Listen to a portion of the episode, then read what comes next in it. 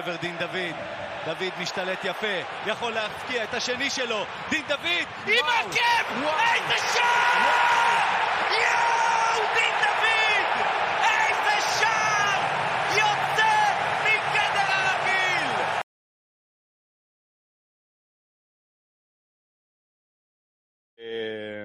אז מתן, נדב, הבמה שלכם, ככה בואו תנו לנו ככה סקירה על, הקבוצה. קודם כל, אה, מה אנחנו הולכים לפגוש? איזה סגנון של משחק? איזה... אה, איזה... אה, קחו, קחו אותנו לשם. איזה שחקנים אנחנו הולכים, אה, אה, צריכים להיזהר מהם? אה, מה אנחנו הולכים... אז נראה לי... אז נראה לי שלפני זה, אני, כזה כדי להתחמם באמת ולהיכנס לעניינים, אה, צריך כאילו. כאילו נראה לי שחשוב לתת איזשהו קונטקסט כללי לשריף. זה מועדון מאוד מאוד צעיר, אה, הוא קיים מ-97 בערך, ו... ו... וכאילו עם זה שהוא מועדון כל כך צעיר, אה, זכו ביחסית די הרבה תארים, כאילו, ב... כאילו הגיעו להמון המון אה, אה, הישגים, אם זה 21 אליפויות, 12 גביעים, 7 סופרקאפ, הם הגיעו כבר לפחות איזה ארבע פעמים כאילו ל, ל, ל, לליגה האירופית, פעם אחת לצ'מפיונס. Uh, זאת אומרת, זו קבוצה שעם כל זה שהיא צעירה, היא, היא די כאילו uh, שולטת בליגה המקומית, והיא די, uh, יש לה יחסית מסורת לא רעה באירופה. ו... נדב, יש איזה שריף קישינב שאומרים שהתחילו לספור מ-97? או שזה לא עובד ככה אצלם? יש מה? מה אתה אומר? קישינב טירספול, או שריף קישינב, שהתחילו לספור ב-97. סתם בדיחה. אני לא... כן, מה, 1984 עם כן, כן. הבדיחה עלינו, כן. אני לא יודע, אבל האמת שזה, אתה מרים לי קצת להנחייתה, כי, כי לפחות גם ממישהו, האמת, מישהו מולדבי ש, שככה נודע לי היום, שהבנתי ש... וזה כאילו מוביל אותי לנקודה הבאה, אה, כאילו האוהדים, יש אוהדים במשחקים של, אה, של שריף, אבל זה נראה שזה לא איזה שהם אוהדים שרופים, או, או זה לא איזושהי חוויה שהם באים למגרש, וכמו סמי עופר שאנחנו מכירים. אה, זה, זה כאילו משהו כזה על הדרך, והאמת שמתן ואני גם שמנו לב לזה במשחק שצפינו, האחרון שלהם נגד פרול. האיצטדיון לא היה מלא, הוא היה לדעתי משהו כמו חצי, חצי מלא, והקהל מאוד לא, לא, לא הורגש כל כך. ואמרתי גם בפרק, אני בעוונותיי, אני אוהד יונייטד, הרבה בטח עכשיו אה, יסגרו את הספייס. אני איתך, אחי, אני איתך. וראיתי את המשחק בעונה שעברה של יונייטד מולם במולדובה, ופשוט, אצלנו היה מפחד, אבל לא שמעו את הקהל. פשוט כולם ישבו והיו מנומסים, ו... אז כאילו, אם נמשיך רגע את העניין הזה של הקונטקסט הכללי, אז, אז באמת, אני לא חושב ש... אה, שיש פה איזושהי, זה לא כאילו האיצטדיון עכשיו של, של כאילו הכוכב האדום, שאנחנו נכנסים לאיזשהו הר געש, וזה מאוד משמעותי, כי בסוף זה כן משחק תפקיד. אה, אז אה, זה לגבי זה. עכשיו... רגע, לגבי האיצטדיון, נדב, נדב, לגבי האיצטדיון, כן, כן. אפשר להוסיף. כן. קודם כל, כמו שנדב אמר, אם היינו מביאים אוהדים, היו שומעים את האוהדים שלנו היטב, זאת אומרת, אין לי בכלל ספק. אה, גם את זה קולטים ישר מהטלוויזיה, כאילו את האוהדים של פרול שהם גם לא איזה, אתם יודעים, איזה משהו מאוד מאוד פנאטי, שמעו טוב. אה, האיצטדיון אבל עצמו עושה רושם, ממה שנראה, שהמתקן מאוד ראוי. הוא דומה, הכי מזכיר עם הנושא הזה של השלכה לישראל לטרנר, זאת אומרת ארבעה יציאים עם איזושהי הפרדה ביניהם, זאת אומרת אין משהו רציף כמו באיצטדיונים הגדולים, כמו באבירן או בלומפילד או טדי, יש את ההפרדות, וגם מבחינת הגודל הוא משהו כמו 13,000 מקומות פחות או יותר. קר דשא נראה טוב, רחב, זאת אומרת, אני רואה שפה מהמשת... מהמאזינים שיש כמה חבר'ה שהיו במלטה, זה, זה לא דומה בשום דבר לאיצטדיון במלטה. כן, זה, זה, זה תוספת נכונה, באמת, אה, לא דיברתם על זה, אבל uh, המתקן הוא באמת ראוי. Uh, רגע, אם נמשיך, אז נדבר טיפה יותר כללי על הקבוצה. אז uh, בשריף יש uh, משהו כמו, יכול להיות שזה השתנה, כי עכשיו uh, הגיעו והלכו שחקנים, אבל יש שחקנים מ-18 מדינות שונות. יש רק ארבע מולדבים. Uh, המולדבי uh, היחידי בהרכב ששיחק, כאילו, זה השוער, אם אני לא טועה, מתי, נכון? אני אני לא טועה. לא, לא, נכון? לובנור, לובנור, לובנור, החלוץ. לובנור, אוקיי, נכון, לובנור החלוץ.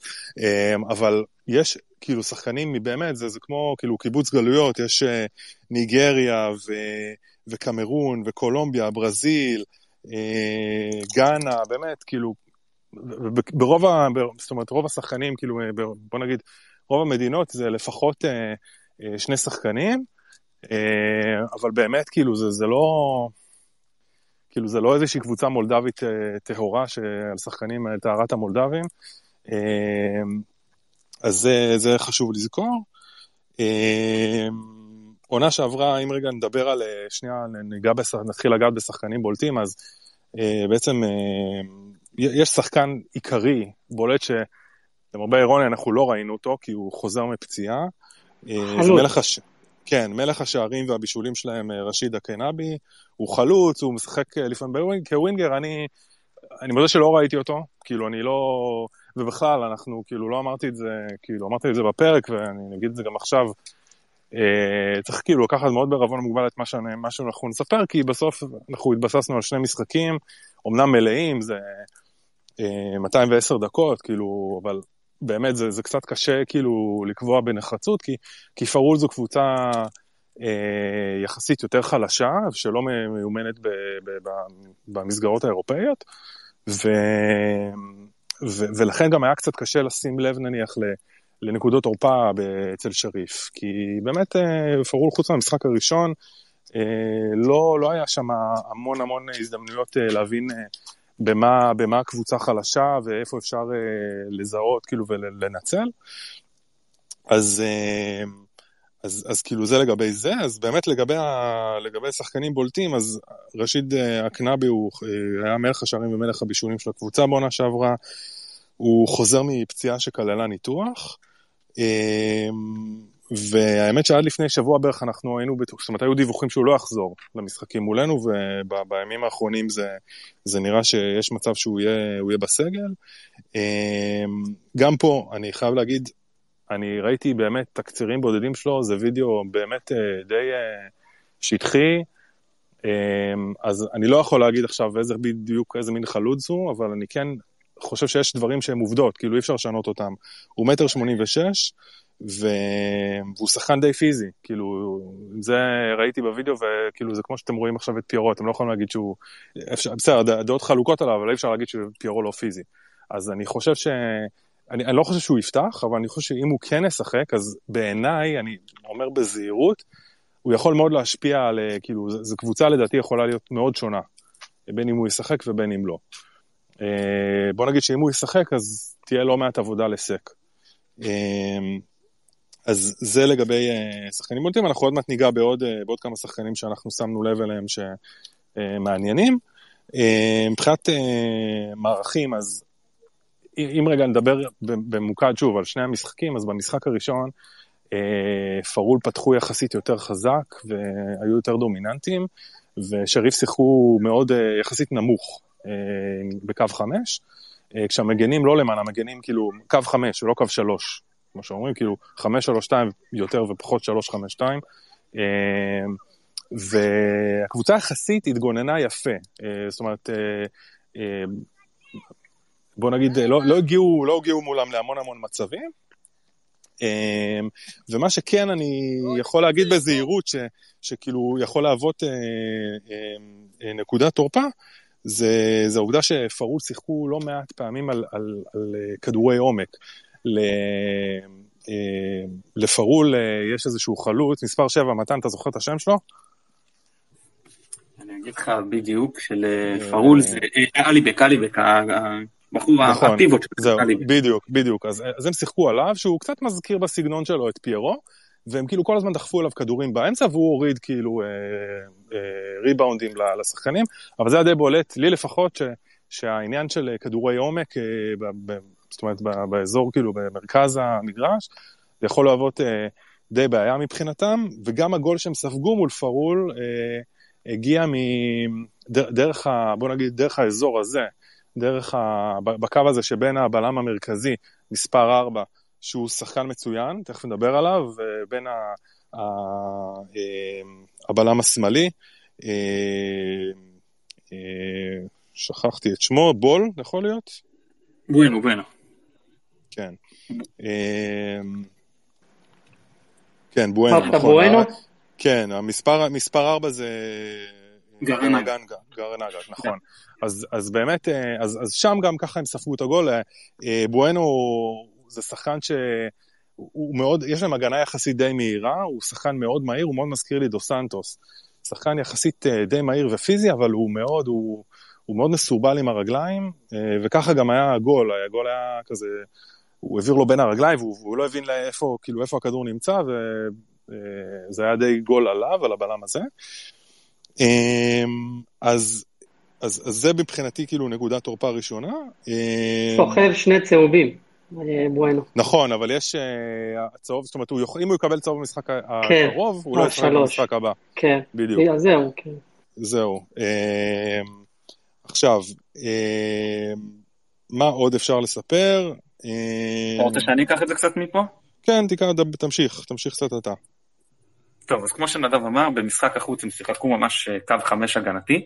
כלומר, שזוהירי זה, ה, בוא נקרא לזה הדניאל סונגרן שלהם, בסדר? לא דומים מבחינת הסגנון, אני סתם מנסה להמחיש uh, במערך. הוא המגן הימני, הוא משחק או מגן ימני בקו 4, ובמשחק בקונסטנזה הוא שיחק מגן ימני בקו 5, וטובר שיחק עוד בלם.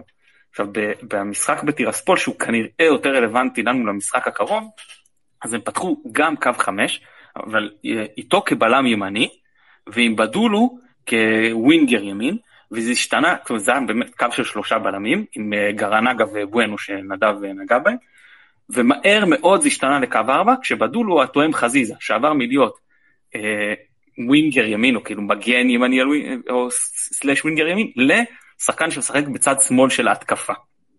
ואז אה, המגן השמאלי זה אפוסטולקיס, הוא יווני, הוא מגן שמאלי עם אה, רגל ימין.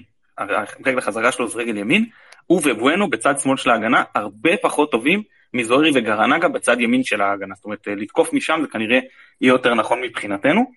אמ, בנוסף, הם הביאו להבנתי איזשהו מגן שמאלי, אבל אני בספק, שחקן שלא נמצא הרבה זמן בקבוצה, כמה הוא אה, ישחק. השוער אגב זה מקסים קובן. אה, ופה אני עובר לחוליה החזקה שלהם, שזו חוליית הקישור, שבניגוד להגנה ולהתקפה, אני אומר, מה שאני התרשמתי מהשני המשחקים האלה, יש להם קישור יותר טוב משלנו. אז uh, קיאבו זה הקשר הגרזן, השש שלהם, שחקן שמפנה את השמונה והעשר, שזה טלל ופאולו, או פאולו, פשוט, הם כמובן עוזרים לו גם הגנתית, אבל הוא מפנה אותם להרבה יותר תרומה התקפית.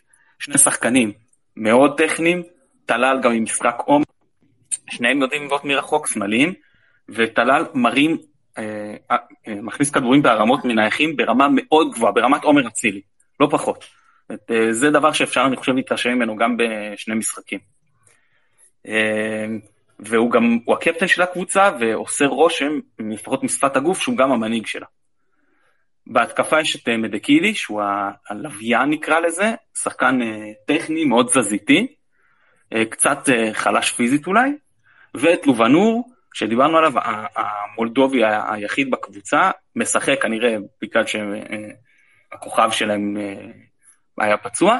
לובנור הוא הפיבוט, ושני השערים הראשונים במשחק, במשחק הניצחון שלהם, הגיעו ממש כשהוא שיחק מפיבוט, זאת אומרת, הוריד אחורה לשחקנים בשביל את השערים. זהו, זו קבוצה, אני חושב, אני עוד מעט אחזור רגע לשיטות דברים כאלה, אבל בגדול, פחות איכותית ממכבי מבחינת השחקנים, אבל הרבה יותר מאוזנת. אין להם, אה, כמו שאני חושב שאצלנו נגיד עכשיו יש מחסור מאוד מאוד רציני בקשר אחורי, אצלם אין עמדה שאתה אומר, יש עמדה של השחקנים פחות טובים, אבל אין עמדה שאתה מרגיש שכל הקבוצה קורסת אליה בגלל החיסרון הזה. עכשיו, זו קבוצה שהסכמה ההתקפית הכי פופולרית נקרא לזה שלהם, או הכי יעילה שלהם, זה שאו טלל או פאולו מבצעים אה, סיבוב על, אה, סיבוב על המקום, אה, פשוט מקבלים כדור עם גב, מסתובבים עם הפנים, כמו שערן לוי ידע, ידע לעשות בתקופותיו הטובות. נדב אגב העלה סרטון למי שרוצה לראות את זה שאצלו. ואז הם מחלקים את הכדורים, בדרך כלל זה פאולו ימינה או טלל שמאלה, לשחקנים שמכניסים את זה, לרוב יחפשו את לובנור שפשוט יוריד כדור אחורה לשחקן שבא מאחור. כן, זה, זה באמת, מתן, תרשה, לי שנייה רגע להתפרץ, אז זה סכמה שלא ראינו אותה המון, אני חושב שלפחות ממה שאנחנו ראינו, רוב, בוא נגיד, הסכמות ההתקפיות שלהם היו, הם שיחקו המון המון על, על הגבהות. וזה יכול גם להתחבר לחסרונות של פרול, כי פרול המשחק, אה, גובה שלהם מזעזע, הם שיחקו גם מאוד נמוך ומאוד לא ברור מה הם עשו שם. אה, ופה צריך להגיד שזה אה, לא רק שהם שיחקו על, על כדורי גובה, הם גם ניצלו את המשחק, המשחק הראש המצוין של גרנגה, מספר 4 הבלם. באמת, ממש שיחקו עליו, וגם זה כמעט באו על שכרם גם עם זה.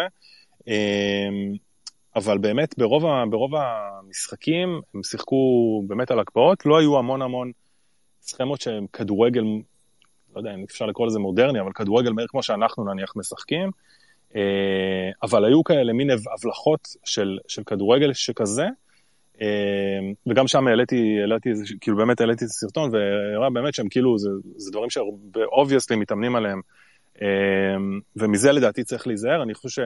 אה, אם אנחנו מדברים על ההתאמה למכבי, אז, אז אני חושב, ומתן גם הזכיר את זה, את החוזק שלהם לעומת החולשה שלנו, זה הקישור האחורי. אה, שם אנחנו נצטרך להיות מאוד מאוד אה, חדים ו, ולהיזהר כאילו מה, מהדברים האלה. זה בדיוק מה ש... ו... לשאול, נדב. כן, כן. אז דיברת פה על, ה... על הקישור האחורי, מתן דיבר שהקישור האחורי שלהם חזק יותר, דיברנו על השש גרזן. שמפנה את השש ואת השמונה.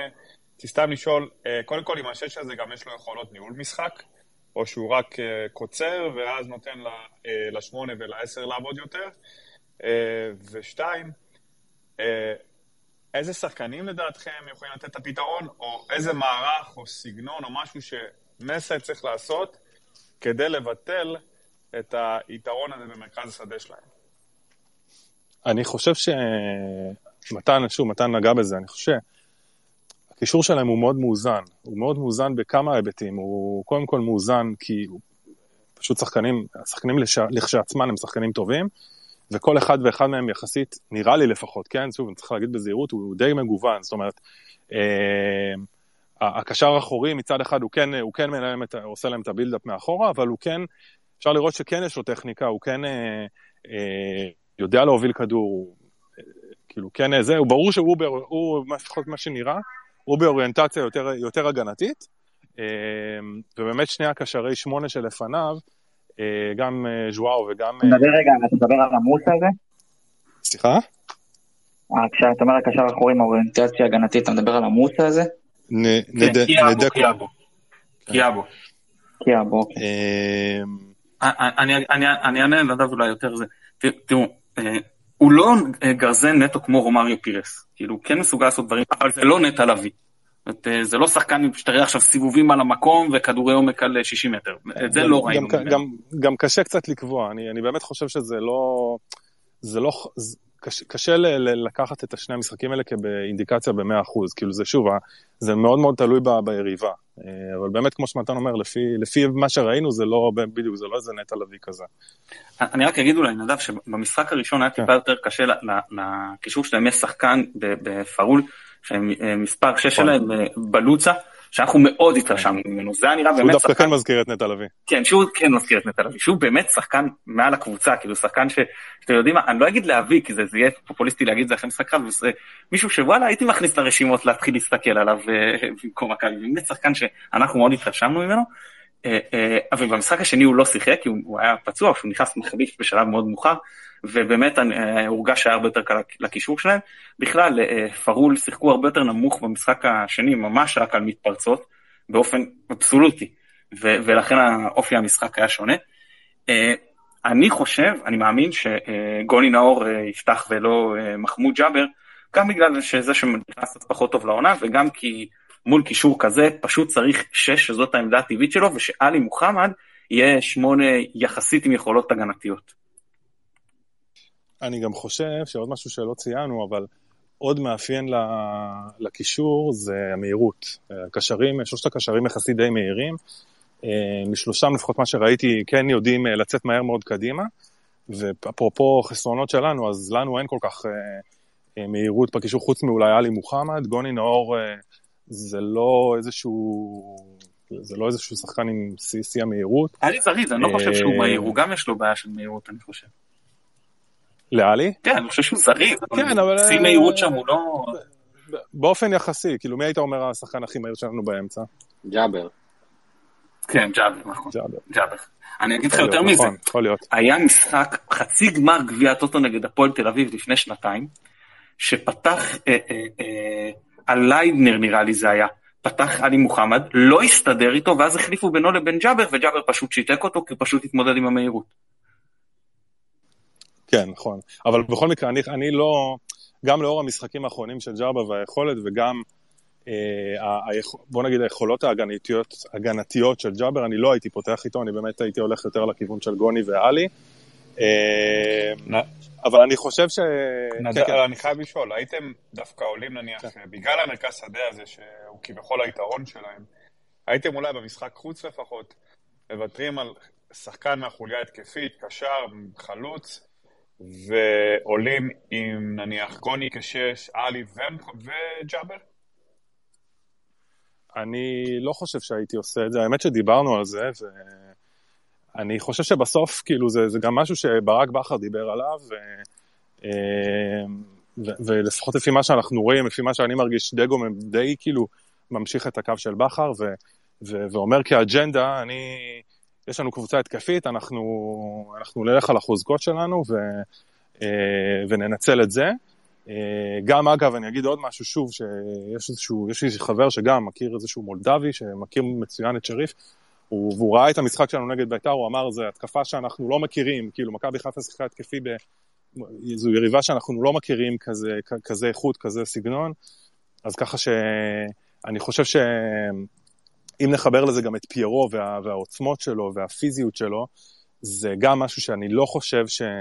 בוא נגיד, נגד פרול הם בטוח לא נתקלו, אה, גם עלי בק, השחקן של פרול, זה לא, הוא לא מגיע לעוצמות של, של פירו לדעתי.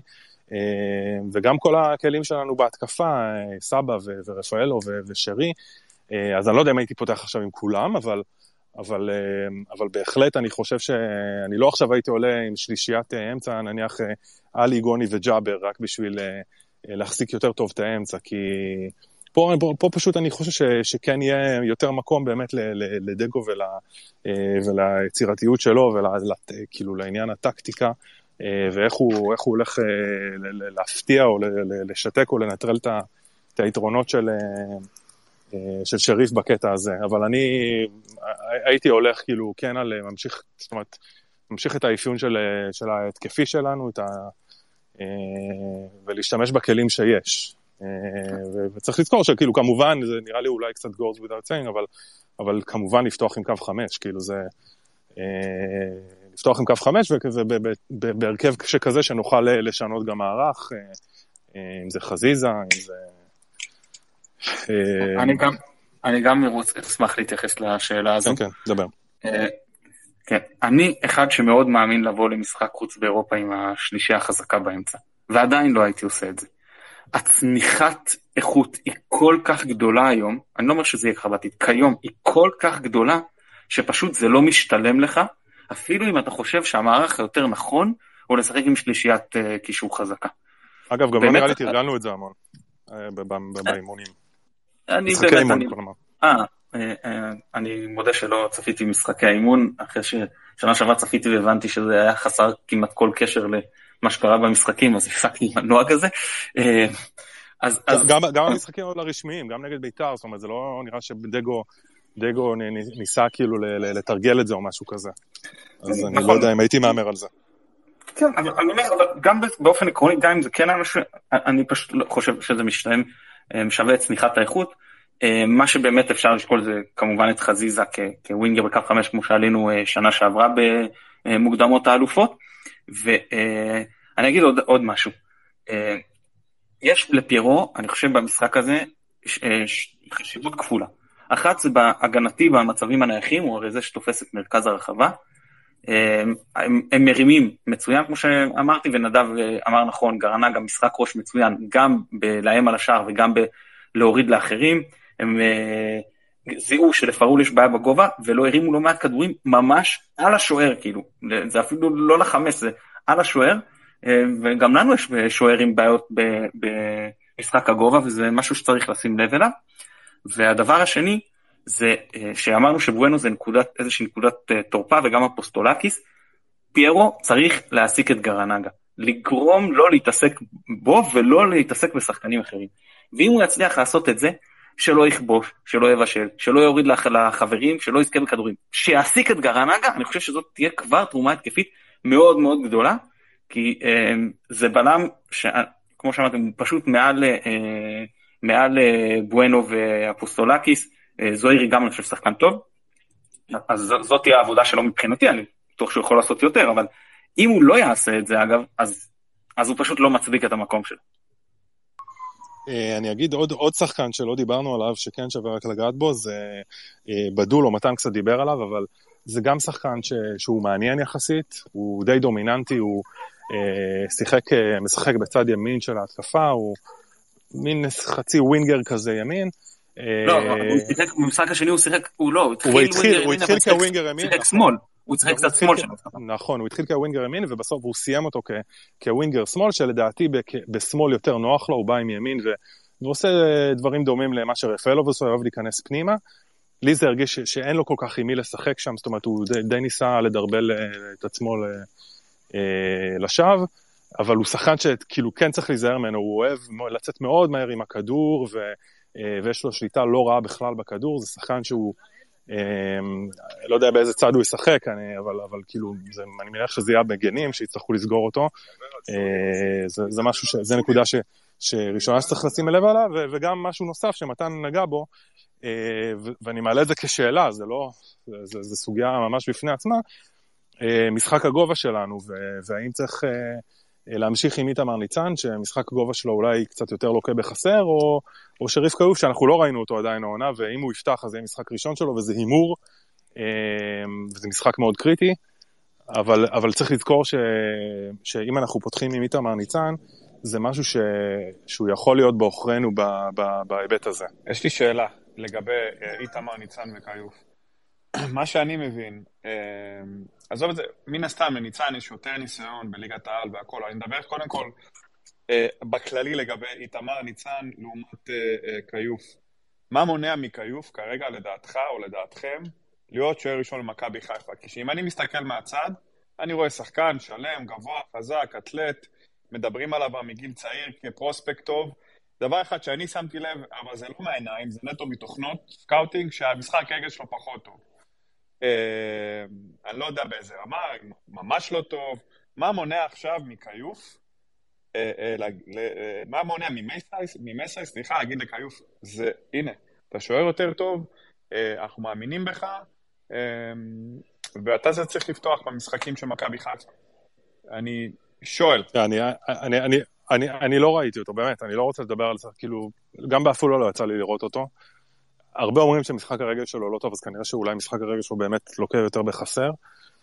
יש שם עניין של לדעתי פציעה שהייתה, אני לא יודע כמה באמת זה רלוונטי, אבל אה, אז, אז זה רק הכל זה ספקולציה, אני רק יכול לנחש אם אני מנסה להיכנס לראש של דגו, ש, שלאיתמר ניצן יש יותר ניסיון, הוא גם שיחק עד עכשיו בכל, בכל המשחקים החשובים, נקרא לזה ככה, ו, ועדיף כאילו, אולי מבחינתו, עדיף אה, לשמר את מה שיש ולהגביר את התיאום בין איתמר ניצן לקו האחורי, מאשר עכשיו אה, קצת להמר, כאילו ללכת על, על שוער ש, שאולי יש לו משחק גובה יותר טוב, אבל, אבל נניח אם ילחצו אותנו גבוה, אז, אז זה יכול להיות גם בעוכרינו. אז... צריך גם לא לשכוח זה... שאחת הבעיות במרכאות עם שריף, זה שהוא לא שיחק כדורגל חצי שנה. ולהכניס אותו למשחק הראשון שלו אחרי כל כך הרבה זמן, מאז כן. שהחזרנו אותו מעפולה, זה, זה קצת מפחיד. אני אמנם בעדו ואני מת שזה כבר יקרה, אבל אם להיות ריאליים, אחרי שהוא לא שיחק כל כך הרבה זמן, כולל מחנה אימונים, שבגלל שלקחו אותו לנבחרת, או אפילו לא שיחק שמה, אין לו, אין לו דקות משחק. הוא, הוא לא חי, וזה, וזה מאוד בעייתי. ולכן היה נכון לפתוח איתו באלוף האלופים. היה נכון לפתוח איתו לדעתי מתחילת העונה, אבל כבר בסיטואציה לא שנוצרה... כן, אבל אבל אני אשאל אתכם שאלה אחרת, שמאוד מעניינת אותי. רגע, אני אגיד עוד מילה אחת, עוד מילה אחת לשאלה, אני רק אגיד, שימו לב, אגב, כמה באיטיות אה, חשובה, אולי זה כל כך מספרים קטנים, אבל שני משחקים מסתיימים כבר בסיבוב המוקדמות השני, ז'לגיריס וילנה מסיימת בבית ב-2-2 עם גלת אסריי, והלסינקי מנצחת 1-0 בבית את מולדה. שתי קבוצות שהן הרבה יותר, זאת אומרת, קבוצות החוץ פה הרבה יותר פייבוריטיות מול היריבות שלהן, לעומת מה שאנחנו מול שריף, שאנחנו בכלל לדעתי לא פייבוריטים, זאת אומרת, זה מפגש שהוא 50-50 כזה. אני אגב לא חושב שזה 50-50, אבל אני מקווה שאת הקטע הזה ארז תמחק מה space, כדי שאני לא, לא אפתח עין, אני חושב שהסיכויים נוטים יותר לטובתנו. זה לא, זה לא, זה לא חמרון, בסדר? אבל uh, זה קבוצה, זה קבוצה הרבה יותר טובה, עם הרבה יותר ניסיון, אבל אני חושב שכמו שמתן אמר בהתחלה, כאילו על הנייר אנחנו קבוצה הרבה יותר איכותית. ו... אז בוא תיקח אותנו. אני חושב ביום טוב... בוא תיקח אותנו, נדב, זה בדיוק מה שאני רוצה ללכת. איך אני, מסע, איך אני תוקף את המשחק הזה, אוקיי? במרכאות. לידרלי, איך אני תוקף פה? מה, מה... אה, אתה יודע מה, עזוב רגע את אה, משחק מחר. בכלל, בהתמודדות הזאת, שאתה מדבר שאני, יש לי יתרון. עכשיו, אני כאוהד ממוצע, אני יודע שהיתרון שלי זה קודם כל סמי עופר. אני יודע שבסמי עופר... בדיוק, בדיוק. אני הייתי, מחלק את זה לשניים, ארז, זה לא... זאת אומרת, ברור שאתה מסתכל על זה כ-180 דקות, אבל, אבל יש הבדל פה משמעותי בין משחק החוץ למשחק הבית. אה, אני, בגלל זה אני גם חושב שצריך פשוט להעביר, כאילו, זה, קלישאה, אבל זה נכון, צריך להעביר את ההכרעה לסמי עופר, כי חם פה יותר, וכי זה יסטיון ביתי, יהיה מפוצץ פה. הם לא רגילים לשחק מול, כאילו, כאלה יריבות, אני מניח. אה, ולכן אני, אני חושב כאילו המפתח פה זה המשחק מחר, ו... נדבר, ושוב, כמו שאמרנו, ברמה הטקטית, אני כן, וגם מסי נראה לי רמז לזה, לשחק התקפי, כאילו כמה שזה אפשר, כן, התקפי, אבל ברמה כזו ש... ש... שכן בצורה יחסית אה, שמרוכזת, ששחקנים יהיו מרוכזים, ו... ו...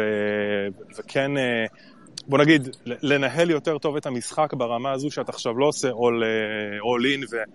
וכאילו, ומנסה לדרוס אותם, אלא אלא באמת להשיג תוצאה אני, טובה. אני, אני אשאל אה, ככה, אתם, אני אשאל גם מתן דיבר על זה, לגבי שפירו צריך להשיג שם את אחד, ה, אה, את אחד הבלמים שלהם, וזה התפקיד שלו להשיג.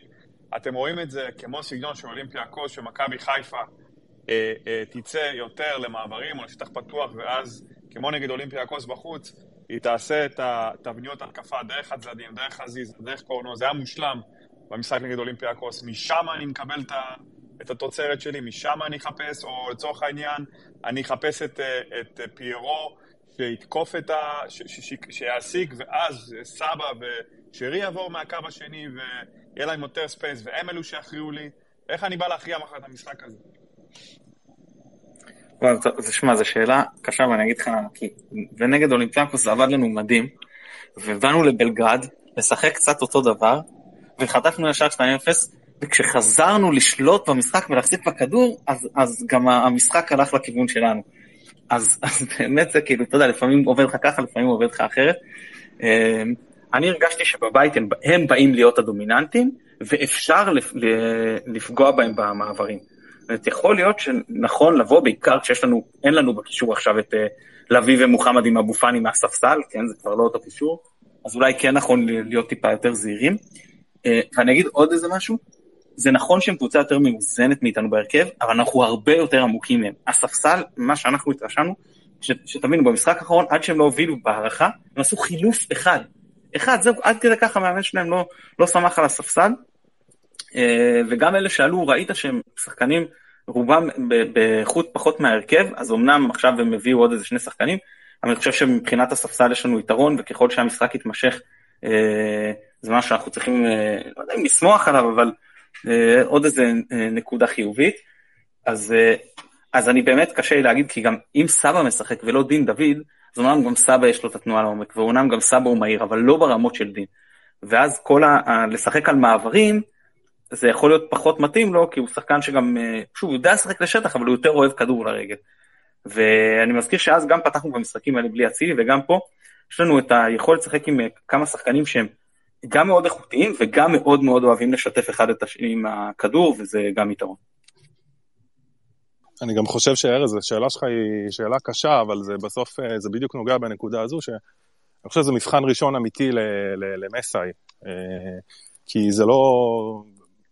זה, זה, מאמן שאני חושב ש, שהוא יותר... אה, בוא נגיד, הוא יותר, נראה לי שהוא שועל קרבות יותר רציני, הוא, הוא כן, ראינו שהוא מאוד גמיש, הוא משנה שיטות, משנה מערכים תוך כדי, מאוד חי את המשחק, ויש לו גם כלים, אז שוב, זה לא חמון וזה לא, אתה יודע, זה, זה לא קבוצות כאלה, ו, ולכן כאילו הרבה פה יהיה גם עליו, צריך להגיד את זה. הוא, זה, זה הרבה מההכנה פה זה, זה עליו, איך, איך הוא הכין טקטית ואיך באמת הוא, איך הוא ישחק, אם הוא ישחק באמת נסוג, ואז אה, לבנות על מתפרצות, ואז מי יפתח, אולי באמת כדאי לפתוח יותר עם דין דוד, או, או כן לבוא ולהיות דומיננטיים, אבל זה באמת, כמו שמתן אמר, זה נורא נורא קשה לדעת, כאילו זה... אה, יכול להיות שאולי שווה לשמור את הכלים, אה, חלק מהכלים ההתקפיים החזקים למחצית השנייה, להכריע, לשמור, אולי לשמור על תוצאה מחצית ראשונה ולעייף אותם, ואז מחצית שנייה להכניס את, את ליאור או את, או את סבא, או... זה גם יכול להיות, אני לא יודע. אני באמת לא יודע, זה קצת קשה, קצת קשה לדעת. אני כן, אה, מתן ציין את זה ואני מאוד מסכים איתו, שאני חושב שאם היה לנו את השש הזה והיה לנו כאילו שוער, זה, זה הרבה אימים, אבל אני חושב ש... כאילו, אני חושב שיחסי הכוחות היו מאוד מאוד ברורים. כן, אבל תראה, דיברת... תקן אותי אם אני... זה היה, עושה לדגו חיים הרבה הרבה יותר קלים. דיברת על סמי הוא היה יכול לשחק גם וגם תוך כדי, ו... כאילו זה... כן. בוא נגיד, ש... כן. בוא נגיד שאני חושב שזה השלב האחרון, לדעתי לפחות, זה השלב האחרון באירופה, שאנחנו נוכל להרשות לעצמנו לשחק בלי איזשהו שש זר כזה אה, דומיננטי, אה, כי אני חושב שבשלבים הבאים אנחנו נהיה חייבים אחד כזה, אה, בדיוק בשביל הדברים האלה. אה, דיברת על סמי עופר, על הקטע הזה שהם לא רגילים לשחק מול קהלים כאלה, אני קצת לא מסכים איתך פה. הם כן אה, בשנים האחרונות משחקים הרבה באירופה ובאצטדיונים אפילו יותר גדולים.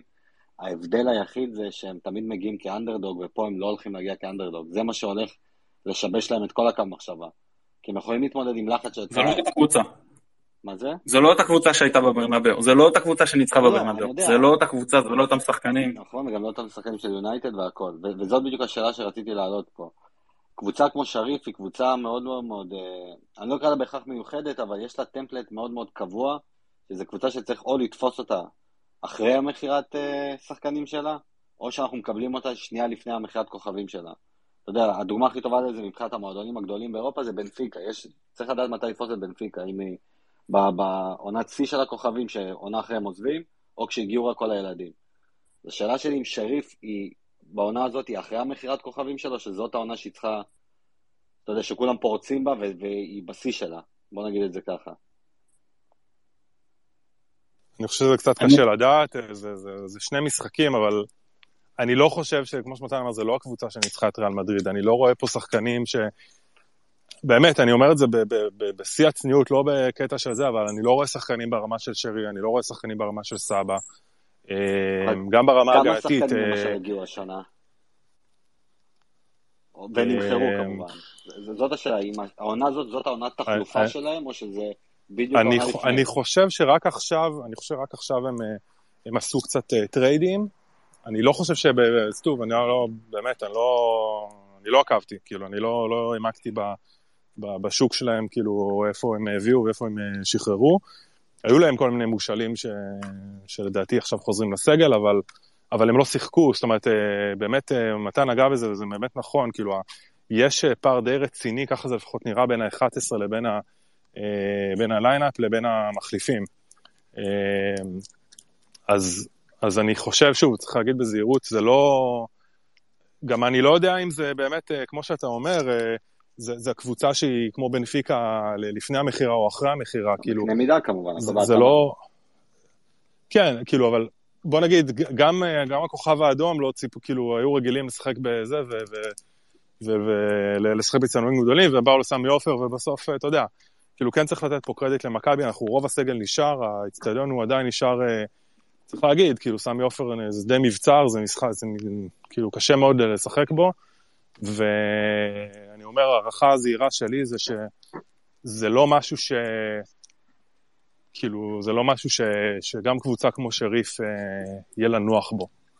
זה מעולה. אני, אני, אני, אני רוצה להגיד על זה משהו. אני הרגשתי ששריף וקונסטנצה הרגישו הרבה יותר נוח עם משחק חוץ באירופה מאשר פרול בטירספול. הם באו, ראית קבוצה, שזה ארגון ככה, מנוסה באירופה כמו שאמרת, זה לא פעם ראשונה שלהם, ידעו לבוא, לסגור את המשחק, לצאת עם הפסד מינימלי, לא לקחת סיכונים מיותרים, כן להגיע למצב שניים מאוד מאוד טובים שאומנם לא נכנסו להם, אבל לסכן בנייחים. ומאוד מאוד הזכיר לי את המשחק, אם אתם זוכרים ש... טוב, עזבו, אני קצת חוטא פה, לא משנה. אז, אז מהבחינה הזאת, אני לא חושב שהם יבואו ויהיה להם איזה פיק ברכיים באווירה. אבל בכל זאת, בשביל השחקנים שלנו, אני כן חושב שיש את המשמעות הזו, שאנחנו בבית פשוט קבוצה הרבה יותר טובה, והסאונה של אבירן בתחילת אוגוסט יכול להפיל בשחקנים שלא רגילים למזג האוויר הזה, כמו שאמרתי, בוודאי שם אה, ספסל הוא די דליל, ואותם שחקנים יצטרכו לשחק באינטנסיביות הגבוהה. אם אנחנו נדע להחזיק את הקצב שהחזקנו בחצי השני נגד בית"ר ירושלים, גם במשחק הבית נגדם נגד, אה, למשך דקות יותר ארוכות עם הלחות והכבשן, הסאונה שיש לנו שם, אז זה יכול להיות יתרון מאוד גדול שלנו. אני גם אוסיף ואני אגיד שצריך רגע להסתכל על מכבי חיפה, גם מכבי חיפה התקדמה בעונות האחרונות באירופה. שחקנים צברו ניסיון, כאילו מדברים על, על, על שריף, אבל זה כבר עונה שלישית שלנו, ב, ב, ב, זאת אומרת, באירופה, בשלבים אירופיים, אני מאוד מקווה שאנחנו נגיע לבתים, אבל שחקנים שכבר מגיעים עם רזומה, עם ניסיון, גם הם רגילים לשחק באיצטדיונים גדולים, האיצטדיון בשריף הוא לא, בוא נגיד היינו באיצטדיונים הרבה הרבה יותר אה, אה, אה, מפחידים או, או קשים ממנו. זה נתניה מלא, זה, וזה גם... זה נתניה מלא. מה זה? זה נתניה שכמעט מלא. אני לא יודע, לא יודע, לא חושב, אני חושב יותר דומה לטרנר דווקא, כשהוא מלא.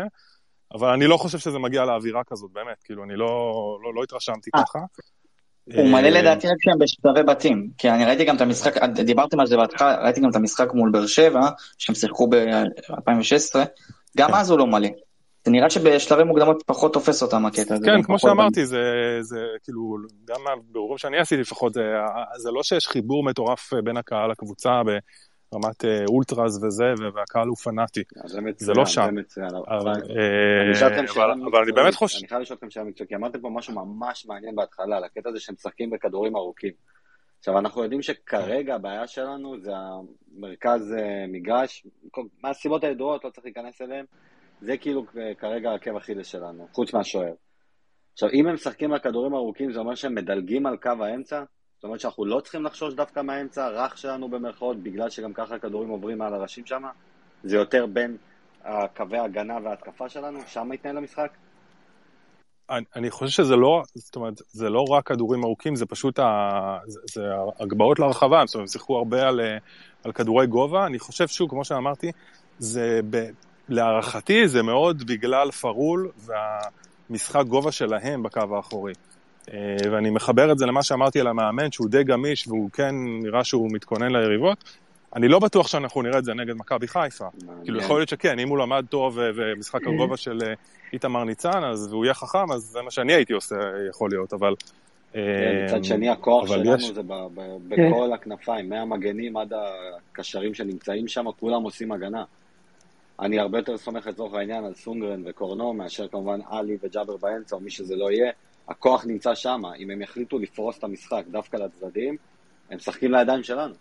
הרבה יותר מאשר אם הם ישחקו דרך האמצע. נכון, לא, אני חושב... נכון, נכון. סליחה שאני מחזור אתכם לקהל, הם הביאו 6 אלף אוהדים למשחק נגד ספרול. זאת אומרת, פחות מ-50% מהתכולה של האיצטדיון. בדקתי עכשיו. לא, לא, זה בסדר, אבל... אה, אני, אני הבנתי, תקן אותי אם אני טועה, שהשוער שלהם יש לו יכולת בעיטה, כאילו הוא מוציא כדור חמש, זה יכול הכדור להגיע כמעט לרחבה אצלנו. ברמה כזאת, זה מה שאני הבנתי. אה, ואז כאילו הם מעדיפים לעשות את המאבקים אה, שלהם שם ולנסות לגנוב כדור אה, להגנה. כשדיברתם על כדורים ארוכים, אז זה מה שאני הבנתי לגבי השוער שלהם, שיש לו יכולת להוציא כדורים מאוד ארוכים. כן, אבל צריך לקחת בחשבון שפרול לא אתגרו את העניין הזה בכלל. הם לא נתנו לו אה, למסור בלחץ. זה, זה מצב שהוא התקדם לפעמים מרחק 30 מטר מהשער שלו ומשם שחרר את הכדורים והוא באמת עשה את זה טוב. אבל לא אותגר. אצלנו אני מניח שנגדנו, בטח באווירן, אבל יכול להיות שגם שם, הוא יצטרך לעשות את הדברים האלה מתוך הרחבה שלו, ולא פעם בלחץ של שחקן, ואז נראה אותו עושה את זה יותר טוב. הוא באמת עשה את זה, זה היה נראה כאילו באימון, בחלק מהמקרים. עכשיו, האקס פקטור לדעתי, כאילו, כי, כי ארז הראה את השאלה הזאת, אני רוצה משהו שארז שאל על אם צריך את השלישת אמצע חזקה, אני הפוך מארז במחשבה הזאת, אני מעדיף תמיד 2 ו-10, אבל אנחנו מכירים כולנו את שרי, וכששרי מחליט לעשות הגנה, הוא בלתי ניתן לעצירה גם, גם בדבר הזה, אנחנו קצת נאבד מההתקפה שלו, אבל הדוגמה הכי בולטת, ואנחנו תמיד מעלים את זה פה בספייסים, זה אותו משחק נגד מכבי תל אביב, שניצחנו 2-0, ששרי היה פשוט מושלם בכל המאבקים שלו, 5 מ-5, חילוצי כדור, הכל, וזה עם שחקנים כמו דור פרץ וגלאזר, שאנחנו יודעים כמה הם חזקים. אם שרי יתמוך בשניים למטה, מי שזה לא יהיה, אם זה גוני ואלי, או לצורך העניין עלי וג'אבר, זה יכול לשנות את כל המשחק. בטח ובטח שדיה כבר גם ככה נכנס לאמצע, הוא גם, הוא גם לא ייצור לו את הפקק הזה שאנחנו תמיד מדברים עליו עד שדיה ימצא את המקום שלו. זה מאוד חשוב שמחר שרי יבוא במצב רוח הלוחמני שלו, זה מאוד קריטי. יש לי שאלה לנדב ומתן, אפשר? קדימה, שוט. אה, אולי אפשר לפתור את הסוגיה של הקישור החלש אה, באמצעות זה שבקישור יהיו אה, עלי, ובואו נגיד ככה, בואו נשאל אתכם מה דעתכם, פשוט אני רוצה לדעת, לא איזה מין...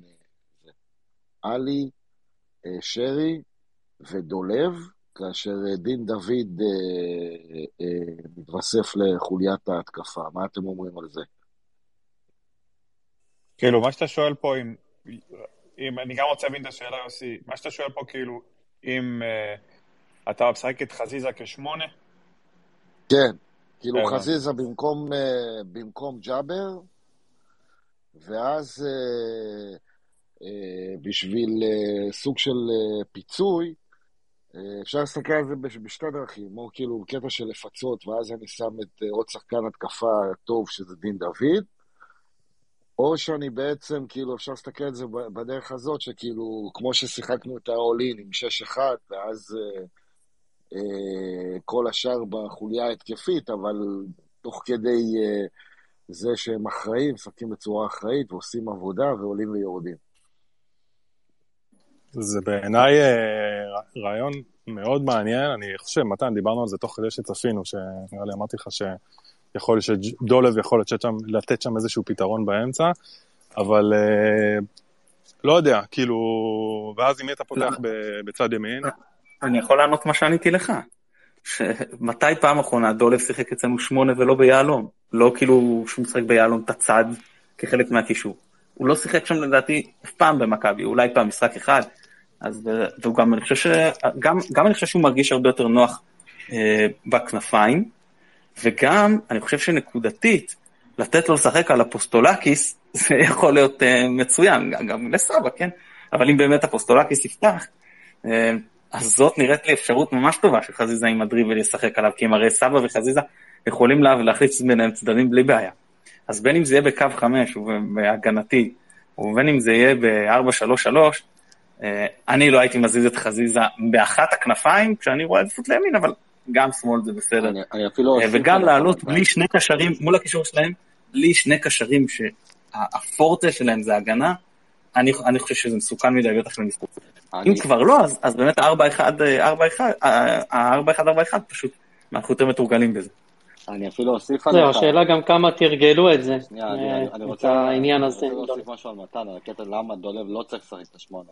כי זה, אני יכול להבין למה אנשים רואים את זה, כי לדולב יש הרבה חילוצים גם באמצע, והוא נכנס לעזור והכל, ואנחנו מכירים את הלוח הרוחמני, הלוח, הרוח הלוחמנית שלו, אבל זאת תהיה אותה טעות כמו שעשו עם נטע לביא כשהזיזו אותו לשמונה ולעשר, כי אמרו נטע מחלץ כדורים מאוד גבוה, אז אם נקדם אותו עוד יותר גבוה, אז יש לחץ טוב, אבל אתה מאבד את כל היכולת של נטע שהוא היה מגיע מקו שני, כמו שיש חלוץ שמגיע מקו שני, שלא שמים לב אליו, זה מה שנטע עושה מהעמדה של השש.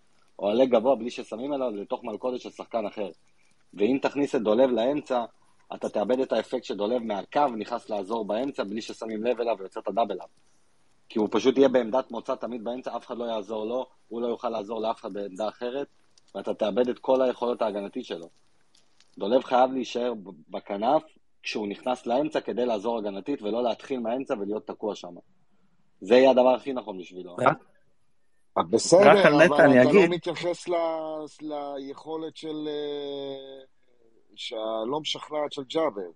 בסדר, יש את גוני בשביל זה. כן, יוסי, אתה אומר את ה... בעצם אתה, כאילו, אתה, אתה אומר בצדק, החיסרון המשמעותי שלנו זה באמצע, וצריך לתת לזה איזשהו פתרון, כי כרגע ג'אבר לא בכושר, ויש לנו בעצם רק את עלי ואת את גוני שם. כן, אז אתה יכול ללכת עם עלי ועם כן. גוני, אבל העניין הוא שאז אתה תקבל, לטעמי, עוד פעם, זאת דעתי, אה, קישור, לא יודע מה, כאילו, איך אני אסביר את זה? מצד... ואז כאילו, מה, בוא נגיד ככה, אם דולב פותח באמצע, מה כאילו ההרכב והמערך שלך? בעצם איפה שרי נניח משחק? או שהוא לא במקום שרי? אז אני אומר, לא, אני אומר, מה היה העונה שעברה, אה, ששיחקנו את העולים?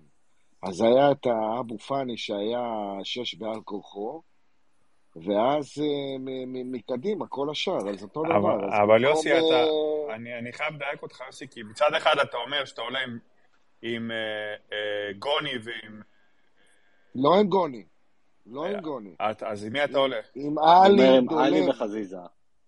עלי, דולב ושרי בקישור. הבנתי. אז מאוד פשוט, לך... אז במקום ג'אבר, אתה מעלה את uh, חזיזה, זה מה שאתה אומר פה, בקיצור. נכון, ואז מכיוון שאני מעלה, זאת אומרת, הוא היה כאילו, ב...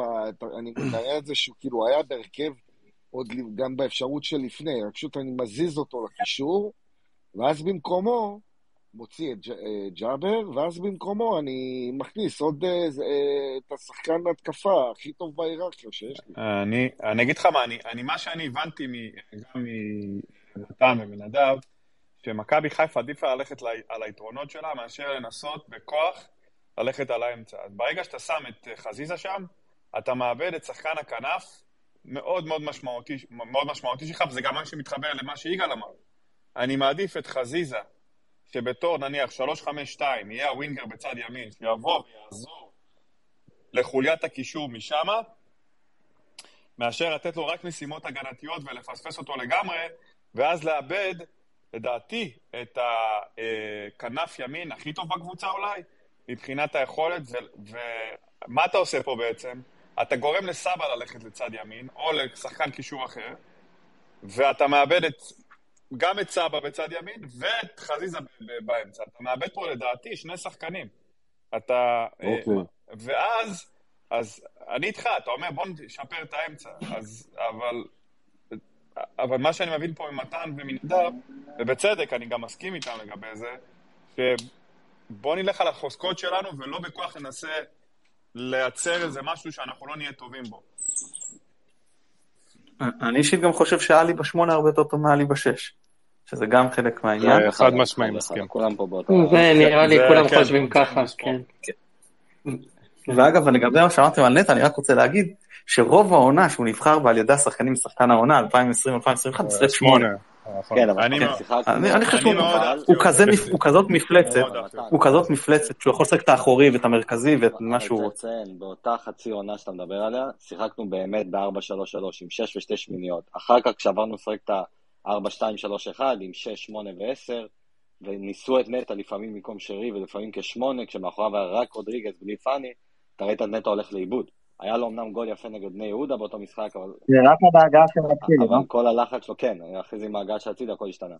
אבל כשאותו משחק נגד בני יהודה הוא היה חלש להחריד, הוא קבע שער כי הוא היה מאוד מאוד עמוק ברחבה, אבל הוא לא הצליח לחלץ כדורים כי הוא פשוט חיכו לו, ידעו שהוא יגיע ללחוץ, אז פשוט העיפו כדורים.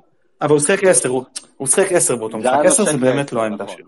ואיבדת את כל היכולות. עשר זה באמת לא העמדה שלו, אני מסכים. עכשיו, אגב, מה שכן, סליחה, סליחה. לא, אני רק רוצה בקצרה פתרון לאמצע, חוץ משרי שחייב לעזור, זה מה שדניאל וקורנו עשו במשחק נגד בית"ר ירושלים. קורנו שיחק ממש סוג של שמונה, הוא ממש נכנס לאמצע.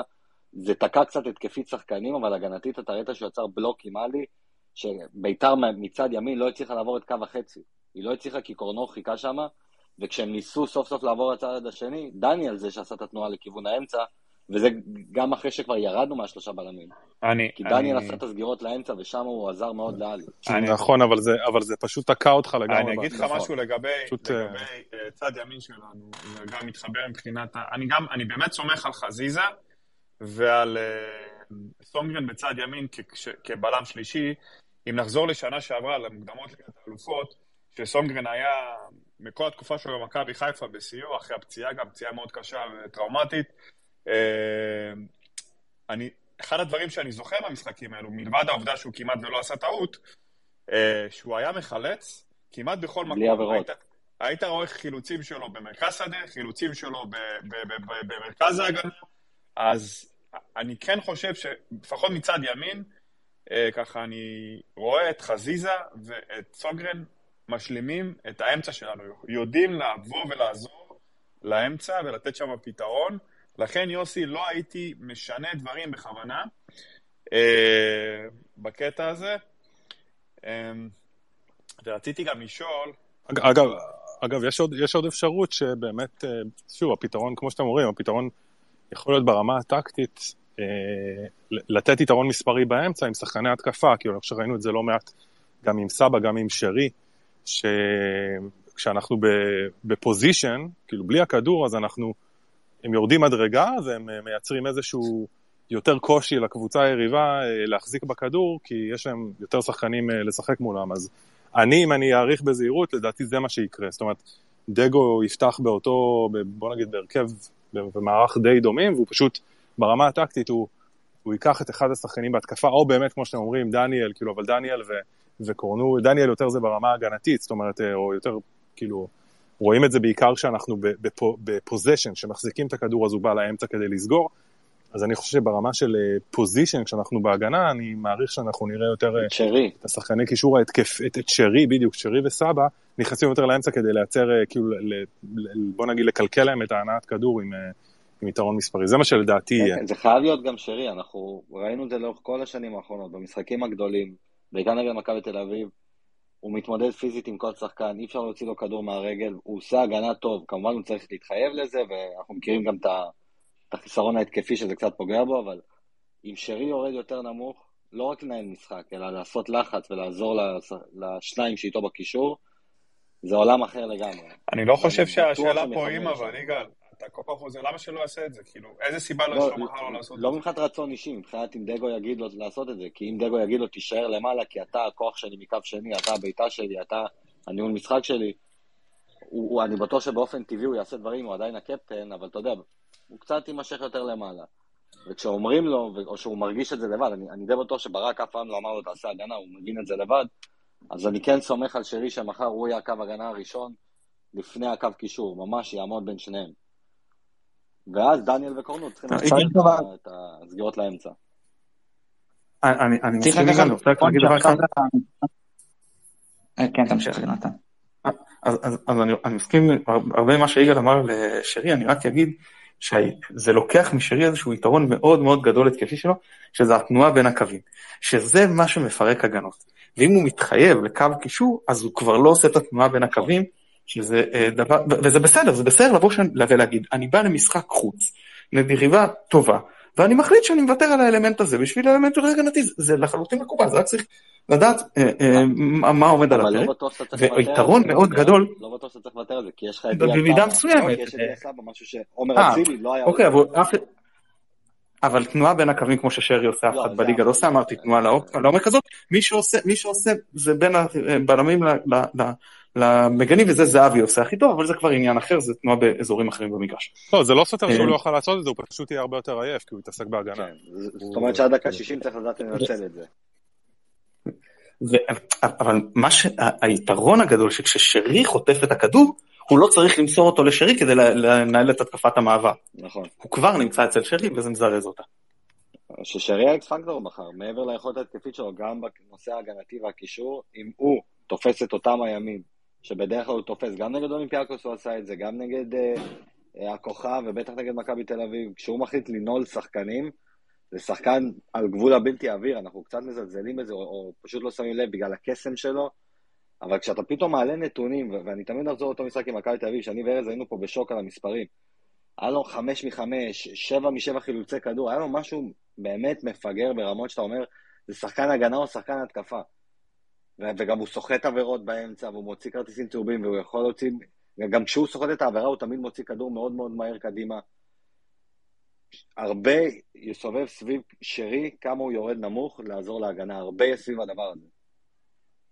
אמ, יש לי פה שאלה פה שקצת חבר'ה, קודם כל מי שרוצה מוזמן אה, אמ, לעלות ולבקש דובר ויכול לשאול, ומוזמנים גם להצמיד פה למטה בזה שאלות, אם יש לכם אה, למתן ונדב, זה הזמן הכי טוב לעשות את זה.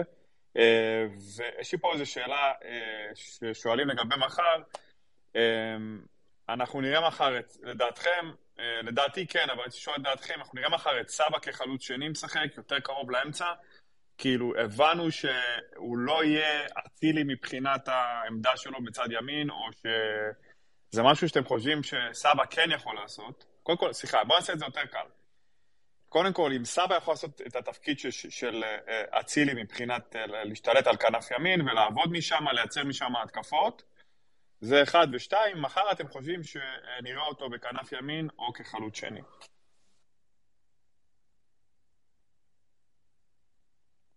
אני, מתן? כן, כן, תענה. אה, תראו, אני, מהרושם שלי סבא, אני דווקא חושב ש... כמו שמתן קורא לזה לוויין, אז הוא שחקן לוויין, כאילו, all around player כזה. אני לא חושב ש... לדעתי דגו נותן לו, כאילו, יש לו עמדת מוצא, ואני רואה אותו כל הזמן הולך בין העמדות, בין, ה, בין הקו של ההגנה לבין הקו של הקישור, והוא זז כל הזמן. אה, אז יכול להיות שהוא ישחק, יפתח בצד ימין אה, אה, מחר, אבל אני... זה, זה יכול להיות, כאילו להיות יתרון מאוד גדול לנו, ואם הוא פשוט אה, יזוז יחד עם ההנעת כדור, ולא בטוח שאני אראה אותו רק בצד ימין. אם הוא יכול להגיע לרמה של, אה, של אצילי, אני לא יודע, כאילו זה... אני לא חושב, אני לא חושב שהמספרים של אצילי הם די, אה, כאילו, די משוגעים. אה, לא, העניין הוא כזה, אני אשאל נדב, אני... לא על הרמה, עזוב שנייה רמה, אני לא בא לעשות ברמה ביניהם. אני אישית כן חושב שיכול לתת מספרים okay. אוקיי. יפים. אני, שאלה שלי כזאת, שאני עכשיו שומע מרוב הקהל, אני מדבר שוב, דעה רווחת, אני לוקח קולות של אוהדים. אה, זה לא מסתדר, זה לא מסתדר שסבא מצד ימין, ספונגרן לא מספיק עובד שם. כאילו זה מרגיש לכולם שמצד ימין אנחנו תקועים עם סבא משחק שם. אז השאלה שלי, אם זה באמת קורה, ממה שאתם רואים מקצועית, ואם זה באמת קורה, אם זה פתיר, אם זה משהו שזה פחות אה, משהו שיסתדר בהמשך, או צריך לעבוד על תבניות התקפה אחרות, או שאתם חושבים שסבא יהיה יותר מתאים לקבוצה הזאת דרך האמצע. זאת הכוונה. נעזוב רגע את הרמה מול אצילי, אני לא בא להשוות ביניהם. אני חושב שזה לא, מה שאנחנו רואים עכשיו שבאמת אולי סבא קצת פחות דומיננטי, זה משהו נקודתי והוא לא, לא מעיד על הכלל, מה שנקרא. אמ, זה מה שאני חושב. אני אישית מאוד אה, אוהב את ה-5212, בעיקר עם פירו, אני חושב שזה אה, משיא את היכולת שלו ואת היעילות שלו לקבוצה, אה, כשקורנו וחזיזה משחקים ממש על הקווים וגבוה. אה, אז אני, ו- וסבא, אני חושב, יודע לשחק את הלוויין מצוין לידו, ראינו את זה גם במשחקים, במשחקים האחרונים של העונה שעברה, איך פירו גם פינה לו שטחים וגם הוריד לו כדורים, אה, ממש בישול לנו נגיד בנתניה. אז אני לגמרי אוהב את זה, כאילו, אני חי בשלוש, גם עם 4-3-3 וגם עם ה-5-2-1-2 מצוין.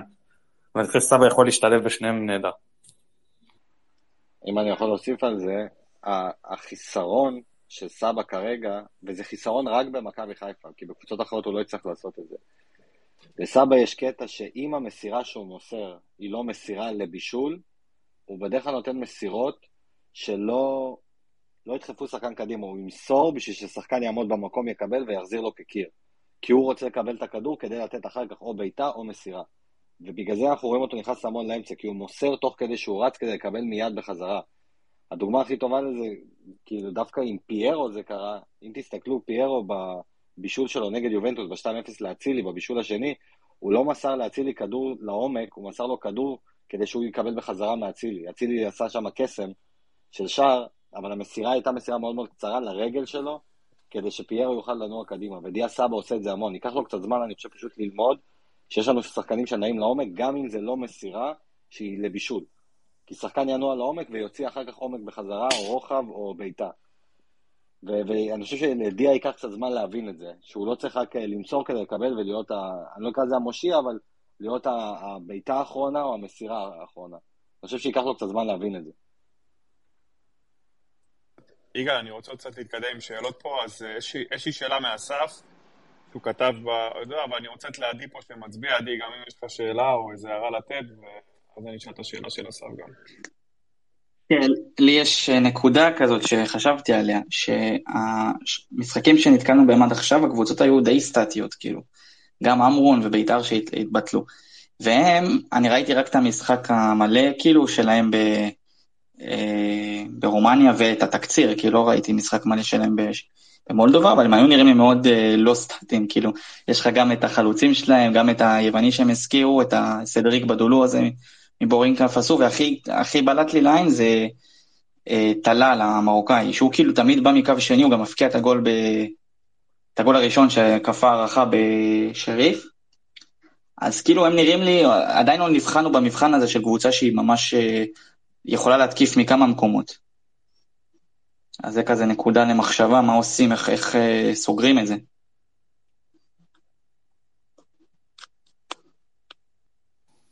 כן, נראה לי זה, כאילו דיברנו על זה, כאילו בהתחלה כזה עם התבניות שלהם, שיש להם, לפחות זה מסתמן שבאמת, כמו שאתה אומר, הם אה, קבוצה יחסית די דינמית, הם בהתקפה כן מאומנים לעשות הרבה תנועה בלי כדור, ויש להם, הם הראו שיש להם גם את היכולת הזאת. אה, נכון, כאילו, אנחנו לא, לא נתקענו ביריבה כזו העונה, אולי במשחקי אימון, כן, אבל... אה, זהו, זה מעניין כאילו לראות פשוט איך להתמודד עם זה. נכון, נכון. אני בגלל זה אמרתי שאני חושב שדווקא פה, מה שיותר יבוא לידי ביטוי זה היכולת שלנו בקישור האחורי, כי שם נצטרך לעצור את השחקנים שמצטרפים בגל שני, וכאילו לגבי הקו האחרון שלנו, אני, אני פחות מודאג, אבל כל האזור הזה של בין השליש השני לשליש שלנו, יותר מטריד אותי. אז זה המין טלל בעיקר. טלל וז'ואר, גם טלל וגם ז'ואר, שניהם עושים. טלל ראיתי אותו כאילו, נכון, נכון, אבל טלל ראיתי אותו אפילו כאילו יותר בולט, הקפטן. כן. אמ, אוקיי, יש לי שאלה ככה ל...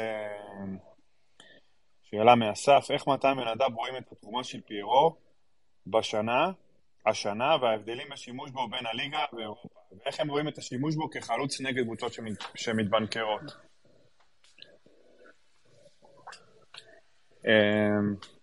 כן, מתן.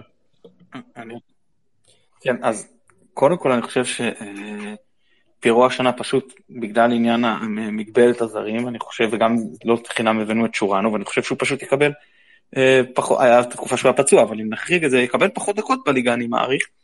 אה, או ששרי גם יעשו איתו רוטציה מסוימת עם אה, רפאלוב, כי הוא כבר לא ילד.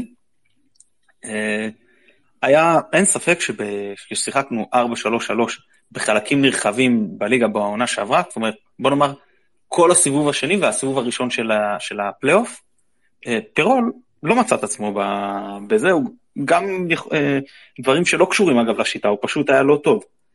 למרות שבתחילת העונה הוא היה טוב ובסיומה. אה, אז להגיד איך הוא ישתלב בדיוק בליגה, אני מקווה ומאמין שזה יהיה יותר טוב מהעונה שעברה. אבל אני שוב אומר, יש את היתרון, במרכאות כפולות מבחינתו, שאצילי לא נמצא. למה? כי אצילי כופה עליך לעמדה מסוימת. אצילי טוב כשהוא משחק ב-4-3-3 בימינו, בצד ימין של ההתקפה, נעזוב רגע את המערך. היה לו משחק אחד נגד ציונה ב-10 וזה, זה היה נראה פחות טוב. אבל הוא עד כדי כך היה טוב שזה הצדיק שתכפה את כל הקבוצה לטובת המערך הזה. זה הצדיק כאלה מספרים ולוקח back to back שחקן העונה, אז בוודאי שזה מוצדק. העונה, אני מאמין, שגם אה, זה שהשחקנים יותר חולקים את הכדור, וגם אה, אה, הגמישות שתהיה לנו במערכים, תגרום לו להיראות יותר טוב. ובאירופה בטח כשקבוצות פחות מתבנקרות, אז בטח שזה, שהוא ירגיש יותר בנוח. כשקבוצות באמת עושות בונקר, אז מצד אחד יש את היתרון שאפשר להרים אליו כדורים, מצד שני הוא לא מספיק דינמי, והוא לא הוא לא מייצר לעצמו שטחים, נכון שהוא מייצר לאחרים כי הוא מעסיק שחקנים, אבל לעצמו הוא לא יודע להתפנות לשטח.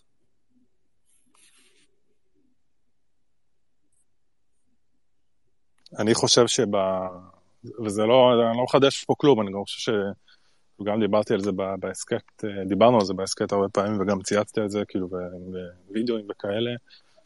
אה, אני חושב שיש לנו פה חלוץ של אירופה, הוא נותן לנו יתרון מאוד מאוד משמעותי, אה, שאנחנו גם רואים את זה עכשיו, ראינו את זה גם, אומנם לא באירופה, זה היה נגד בית"ר, אבל אה, באמת, הוא כאילו, אין, אין לנו חלוץ בסגל, או חלוץ בכלל בליגה, שיודע לתת אה, כאלה, כאילו כזה fight פיזי מול, מול הגנות אירופאיות, זה משהו שהוא די חריג, וזה יתרון עצום. אני מאוד מאוד מקווה ואני רוצה להאמין שבאמת אה, זאת השנה השנייה שלו אה, בארץ, ו... ויהיה לו אולי יותר קל, אה, כאילו כבר, הוא עבר את ההסתגלות ויהיה לו גם יותר קל, הוא כבר מכיר את השיפוט, הוא מכיר את השריקות, הוא מכיר את השחקנים שמשחקים נגדו ו... ומאיזה דברים להימנע. ואני רוצה לקוות שגם כמו שמתן אמר, שאין פה את אצילי, ואצילי די כפה עלינו אה, מערכים ושיטות, אז, אז אולי יהיה לו יותר קל לבוא לידי ביטוי, אבל אני באמת חושב, אם אנחנו עכשיו מדברים על, על אירופה, אז אני חושב ש... באמת, אם אנחנו עכשיו היינו משחקים מחר חס וחלילה בלי פיירו, זה... אני חושב שזה היה כופה עלינו דווקא משחק, סגנון אחר לגמרי, אני חושב דווקא, אם אני הייתי דגו, אני הייתי, לא, לא הייתי משחק אה, כאילו פוזיישן, הייתי משחק נסוג והייתי פשוט אה, משחק אה, אחורה ומשחק על מתפרצות. פיירו לדעתי יכול לאפשר לשחק פוזיישן, זאת אומרת להחזיק בכדור ו- ולהשיג את ההגנות, ו... אה, ולייצר דומיננטיות גם במשחקים בחוץ. אה, באמת, זה, זה, זה כבר נהיה שיח של, בעיניי הוא כבר מוצע ממזמן, אבל זה, זה, זה פיירו לא, היתרון הגדול שלו, אתם יודעים מה, בואו נגיד את האמת, הוא לא בגולים, הוא לא ב... בעכשיו, זה לא איזה חלוץ מריח שערים, אבל הוא פשוט נותן אקס פקטור שהוא, שאין אותו לאף חלוץ, בוא נגיד, אני לא זוכר חלוץ שנתן כזה אקס פקטור ב, ב, ב, שהוא לא בגולים. אה, ו... ולדעתי זה יתרון מאוד משמעותי באירופה, כן. זה... לא מעריכים מספיק את איך שהוא מקל על שאר השחקני ההתקפה. זה לא מוערך מספיק לדעתי. כן, כן. אה, ככה, הנה יגאל מסכים איתכם, אנחנו מדברים על זה פה גם, על אה, פיירו. אתה יודע, זה... אחרי משחקים, זה... יש הרבה רגש גם.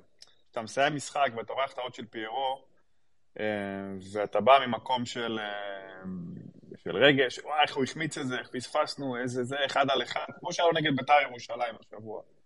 אתה מבין? אז אני יכול להבין את ה... אה, לאוהד הממוצע, אוקיי?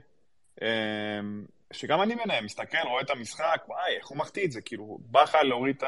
אה, בא לך לתלוש את השערות. מצד שני, כשמסתכלים סטטיסטיקה, רואים ש-80 אחוז, 80, ו- 80 פלוס אחוז במשחקים שהוא פותח, מכבי מנצחת.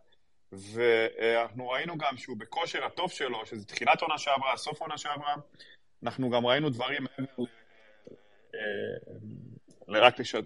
במרכאות אני אומר, לפנות שטחים, ודווקא כן, עבודה נכונה עם הכדור, קריאת משחק, אה, תנועה נכונה, השתחררות, אה, ראינו הרבה נגד אולימפיאקו שנה שעברה שהוא ככה תפס את הכדור, עשה קצת הולד, ונתן לשאר הקבוצה קצת להתקדם קדימה במעבר.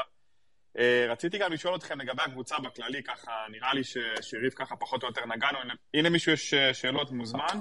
אגב, ארז, אני ברשותך אגיד משהו אחרון על פיירו, שאני חושב שהיתרון המרכזי שלו בהתקפה, מעבר לזה שהוא יודע להחזיק את ההגנות בעצמו, אה, זה ששימו לב, הרבה מהגולים שלו, זה, גם אמרתי את זה עוד בפרק ההוא עם אופק, זה ש...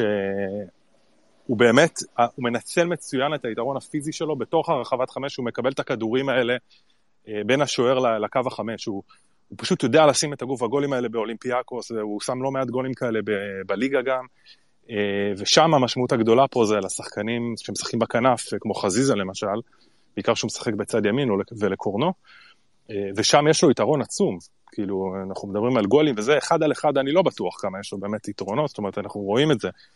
שזה לא, הוא לא מצליח אה, לגמרי לנצל את המצבים שהוא מגיע להם, והוא מגיע למצבים.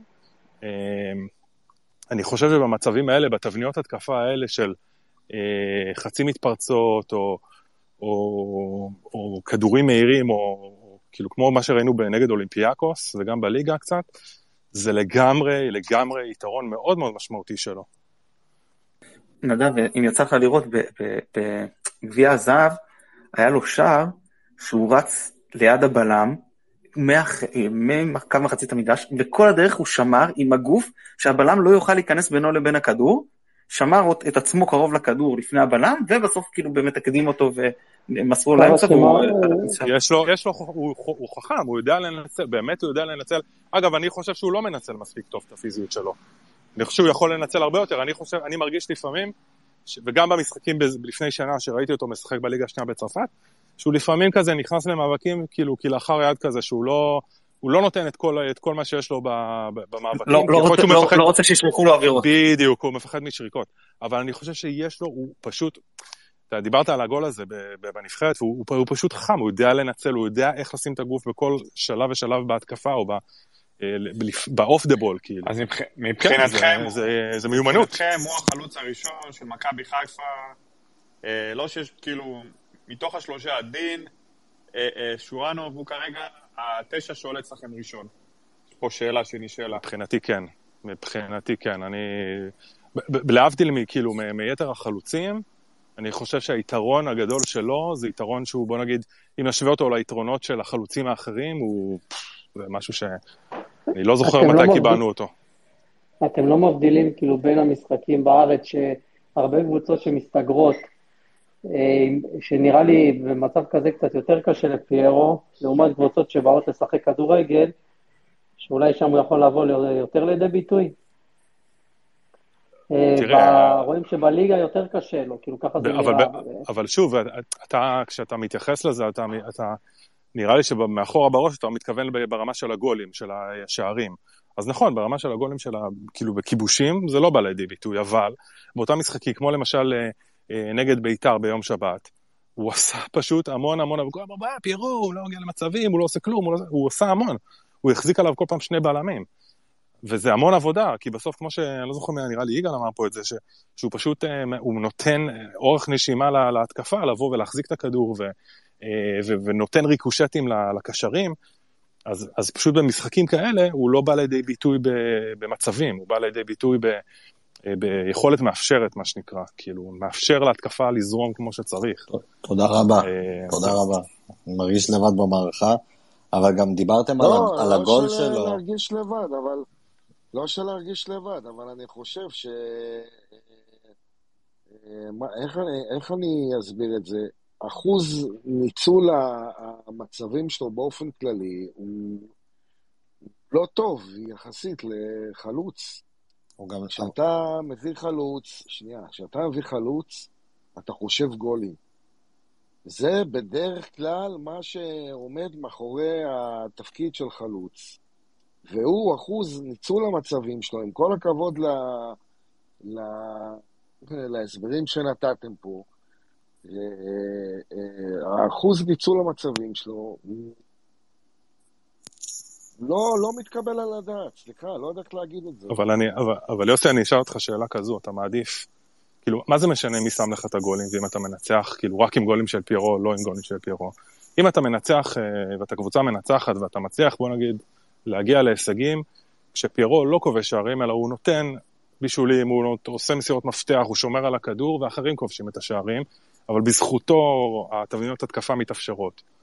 לעומת אם לא היית עם פיירו, אלא היית משחקן לא, כמו ניקיטה רוקאביצה בשיא שלו. אני אתן לך דוגמה, אז... כן, ההחמצה שלו אה, שהייתה מול אה, בית"ר, אה, אה, זו החמצה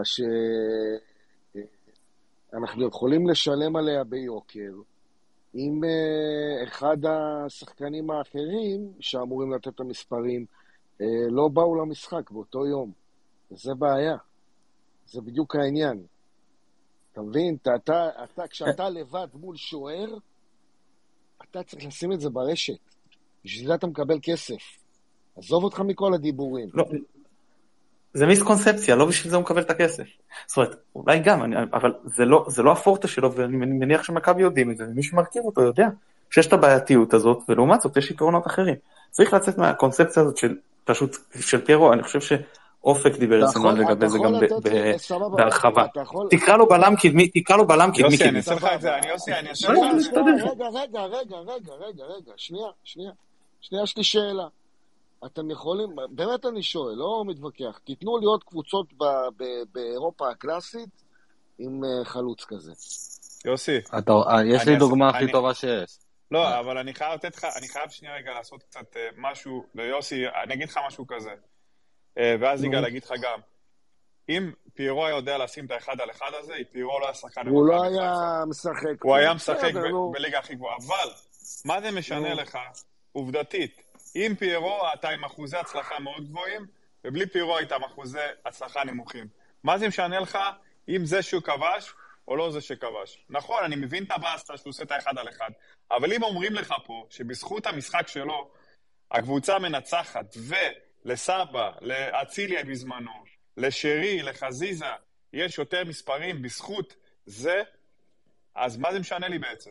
מה, מה, מה זה מפריע לי? אם אני יודע שבזכותו, עזוב את זה ששנה שעברה באירופה הוא גם שם את השערים, אבל בזכותו אני יכול לפנות את הקו, את קישור ההתקפה שלי, את החלוץ השני שלי. אני, אה, יכול להיות שסבא לידו יהיה עם 20 שערים, סתם דוגמא, אני מדבר מספרים, סתם. סבא איתו יהיה 20 מספרים ובלעדיו יהיה 12. אז מה זה משנה לי אם הוא זה שכבש או לא?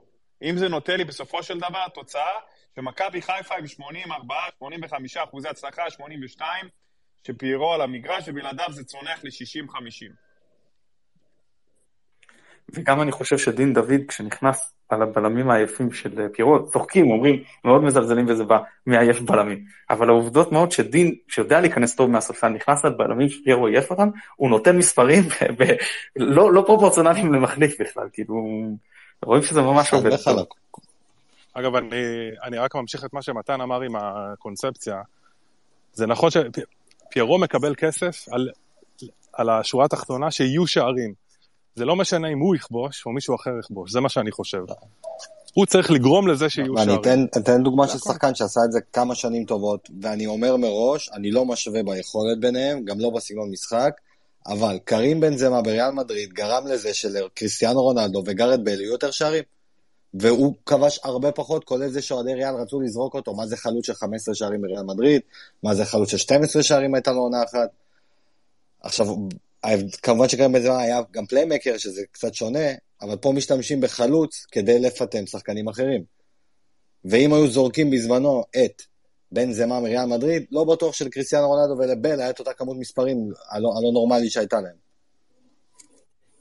להפך, הסביבה שהוא נשאר, והעיפו את פיפיטה והעיפו כל חלוץ אחר שעוד העז לתת מספרים שרונלדו רצה אותו, ושמישהו שיעבוד בשבילו ולא חלוץ אחר שיעשה את המספרים שלו. בשביל הדבר הזה. ואני אגיד גם עוד נקודה, עוד נקודה לגבי אה, פירו, שגם אם חושבים שיש, אה, שוב, זה עניין של trade, לא, כמו מול, מול כל חלוץ אחר, כמו כל שחקן שאתה מביא מול שחקן אחר, ששניהם ברמה אה, גבוהה יחסית לקבוצה, או סבירה יחסית לקבוצה, אז אתה לוקח משהו ומאבד משהו, מקבל משהו ומאבד משהו. פירו עוד דבר שהוא נותן, זה המצבים הנייחים ההגנתיים. הוא זה שלוקח את מרכז הרחבה, למרות שהוא, היה לו איזה פספוס דווקא במשחק האחרון נגד בית"ר ירושלים, זה כדור שעבר מצד אחד לצד השני פעמיים. אבל בגדול הוא זה שמקבל את מרכז הרחבה, ועם הגובה שלו והפיזיות שלו והניטור שלו זה גם איזשהו כלי משמעותי. אה, בעיקר קבוצות, דיברנו על מסתגרות, אז הן יכולות להפתיע אותך במצב נייח, ופה הוא כמובן הרבה יותר משמעותי מדין דוד או שורנו. חד וחלק. אה, רציתי ככה להתקדם ולשאול אתכם לגבי, בכללי, אה, על הקבוצה, איך אנחנו, טוב, אנחנו יודעים שמבחינת שוער, מן הסתם, איתמר ניצן פחות טוב, אבל בכללי, מה לדעתכם חסר חוץ מהשש, שזה מובן לכולנו, ואם וכאשר נצליח לפגוע בשש, וחיזוק, אה, וחיזוק טוב כמחליף לה, אה, בהגנה, בלם מחליף, מגן מחליף, ושש טוב, האם אתם חושבים שמכבי חיפה הנוכחית היא קבוצה ש, אה, ששווה אליפות? בשביל זה צריך לראות אה, גם את היריבות, בעיקר את מכבי תל אביב, מעבר למשחק האירופאיות בגביע הטוטו. אה, בגדול אני חושב שכן, אני חושב אבל שהעניין של השוער הוא משמעותי. ובואו נחזיק, אה, אני לפחות מחזיק אצבעות, אני מניח שעוד כמה איתי, שג'וש כהן לא יסתדר לו שם בארצות הברית ויסגר כל החלון, והוא לא יעבור. אתה אומר משהו כזה. אני כל space מעלה את זה. אתה אומר לי שאיתמר ניצן, יכול להיות הבדל בין אליפות ללא אליפות? ג'וש לעומת ניצן? כן, כן, כן. אה, אני מסכים עם מתן, אבל רק צריך כן לזכור, לשים אצלנו בראש, שברק בכר לקח אליפות בהפועל באר שבע, עם שוערים על הנייר לא כאלה טובים, כאילו בוא נגיד לא מהטופ של הליגה, כמו חיימוב, כמו אה, דודו גורש. אה, אני לא אומר ש... אני, אני מסכים, כאילו בסוף, אם מסתכלים רגע על התמונה הכוללת ומה חסר, אז אני בהחלט חושב ששוער זה משהו שזה אחת משתיים, שלוש עמדות ש, שאנחנו צריכים לחזק, אבל צריך לזכור שבסוף, כאילו, מה שחשוב זה הסך הכל, והסך הכל כל עוד הוא טוב ויש מי ש... כאילו, בוא נגיד, אני אומר את זה באופן תיאורטי, כן? אפשר לקחת אליפות גם עם איתמר ניצן, אבל אה, יהיה מאוד קשה לדעתי לקחת אליפות אה, עם איתמר ניצן ובלי איזשהו שחקן שש אה, דומיננטי. אה, מה לגבי השש הזה? ואני חושב ש... אתם בסדר עם הקונספט הזה? ש... אני אישית, אני אגיד לך מה, אני פה אומר כל הזמן ב space, אין לי בעיה לחכות גם עוד שבוע, עוד שבועיים, עוד שלוש, ושהמועדון לא יתפשר וימשיך עם השחקנים שהיו מחוברים לפה, אוקיי? ש, ש, לא מחוברים, סליחה, שהיו מקושרים אלינו, אם זה האנגלי, אם זה דיאק, אם זה... אה, ואם זה אה, מרקו שהיה, לגבי הברזיל זה קצת קשה, זה בגלל שהוא יהודי, ליגה, מאוד קשה להביא שחקן טוב מליגה צרפתית, אבל, קפטן בטח, אבל אני מדבר על השלושה הזרים שהיו פה, או לדעתכם, לפי האסכולה השנייה שאומרת, טוב, בוא נרד מהעץ, והעיקר שיהיה פה שש, מחר, מחרתיים, כדי שיהיה פה למשחק, למשחקים נגד אה, אה, שריף, המשחק הבא, או עכשיו זה קצת מאוחר, אבל בוא נרד קצת מהעץ ונלך קצת על פרופיל קצת יותר נמוך. איפה אתם שם? אני, אני אישית חושב שאני מוכן אפילו לנשום עוד קצת, עוד שבוע, עוד שבועיים, עוד, עוד, עוד אה, אה, שלושה שבועות, כדי שבאמת הם יצליחו לפגוע בה, אם זה יהיה החמישי או השישי או השביעי, בסוף את הכי תותח שהם רצו בסוף שיהיה פה. אז, אז יש לי פה שתי נקודות שאני רוצה להגיד, וזה מתחבר לדבר הקודם שדיברנו עליו, עם מה חסר יהיה לאליפות וכאלה. אז אני אמרתי את זה מקודם, אני חושב שאם בשלב הנוכחי של, כאילו, של המוקדמות, אני רואה אותנו כן יכולים לעבור אותו גם בלי אותו שש, אז אני חושב שבשלב הבא יהיה לנו מאוד מאוד קשה. והדבר השני שאני רוצה לחבר את זה אליו זה, אה, מתן נראה לי דיבר על זה גם, זה העניין של המומנטום. ובסוף, אה, אם אנחנו חס וחלילה לא נעבור שלב וזה, ואז התחילו לדבר, אין שש, זה בגלל שאין שש, וההפסד הראשון עם דגו, ו, ופה זה יכול ליצור איזשהו לחץ, כאילו אולי סביב המערכת. אמ, אז כאילו, אתה יודע, אני קצת מתחמק, אבל אני, אני לא יודע, אני כאילו, זה נורא tricky, כי בסוף, כדי לעבור, אני, אני מעריך, כדי לעבור את השלבים הבאים, אנחנו נצטרך את, ה, את השחקן שש הזה, זה, אין מה לעזור, כאילו, זה, זה לדעתי must. אמ, אבל, אה, אבל מצד שני, באמת צריך אה, להביא את השחקן המתאים, ואנחנו פה מתחילים להתקרב כאילו ל, ל, ל, לאיזשהו קו אדום כזה. אמ, אז צריך אה, לדעתי פשוט לקבוע, אני מאמין שאתה יודע, בסוף מה אנחנו, אני, אני כאילו בסך הכל אני אוהד וזה, אבל אני רוצה להאמין שבסוף במועדון יגדירו איזשהו דדליין, שאמרו אם עד, עד הזמן הזה אנחנו לא מצליחים להביא אף אחד, אנחנו נלך על האופציה הבאה שיהיה יותר קל להביא. ככה נראה לי לפחות. צריך לקחת בחשבון שאלברמן עשה פה שינויים. תזכרו לפני העונה הקודמת, הוא אמר, אני חשוב לי לסיים את הסגל כמה שיותר מוקדם, אפילו אם אני מתפשר על איכות. היה מאוד מאוד חשוב להם להגיע מוכנים אחרי שהם נחוו אה, מאלמטי. אז הם רצו להגיע הרבה יותר מוכנים לסיבוב, לסיבוב המוקדמות השני, ועכשיו אולי קצת שינו את זה, אה, אולי כי הקבוצה יש פחות שינויים, אולי הם חושבים שהיא יותר איכותית, ואני לא יודע מה, אבל הפעם הוא הלך, בתפיסה, הוא אמר, אני אלך יותר גבוה, אני אאמר שחקן בפרופיל אה, יותר גבוה, בידיעה, אני מניח שזה גם מן הסתם עלול יותר להתפספס, כי הרבה יותר קשה להביא שחקנים אה, ברמה הזו אה, יותר מוקדם. מן הסתם, שככל שאופציות ייסגרו להם, כי הזמן יעבור, ואם וכאשר, בתקווה, נתקדם עוד שלב, אז הרבה יותר קל להביא שחקנים, אם נגיד אתה מבטיח להם שכבר יודעים שיש שלב בתים אירופאי. קל וחומר ליגת אלופות, אני לא מדבר על זה, זה עוד מאוד מאוד אה, רחוק, אז זה איזשהו שינוי שחל בגישה של, אל, של אה, אלברמן. אני, מה אני אגיד, אה, בסופו של דבר יש פה סוג של מבחן התוצאה. נעבור את שריף בלי שש כזה, ובסוף נצליח להביא איזה שש תותח, וואו, הלך לו ההימור מצוין. נעוף נגדם כי לא הבאנו אה, שש אפילו פחות טוב, אז יכול להיות שזה לא כזה ישתלם. אה, העניין הזה שאתה מקבל את המשחקים הכי חשובים כבר בתחילת העונה, מכמת את הדיונים האלה, לפעמים שהם הרבה יותר, מה, בעונה שלמה, משחק, שניים, זה לא כזה אישו. אבל זה כבר גורם לדברים אה, להיות אה, מאוד משמעותיים, וגם לבאזה של, בקרב האוהדים, לקבל אה, הרבה יותר הד מאשר לחלק היחסי של המשחקים באותה עונה. במיוחד שאתם אומרים ששריף החלק החזק שלהם זה האמצע, אז אם היה לנו שש זר כזה, חזק, משהו איכותי, זה יכול מאוד לעזור לעבור אותה. חברים, ברשותכם, אני רק אגיד, אני מאוד מאוד מודה לכם, היה לי ממש מעניין. פשוט אשתי והבן שלי טסים מחר, אז אני רוצה עוד להקדיש להם קצת את הזמן שנותר לערב הזה, אז תודה רבה. תודה רבה.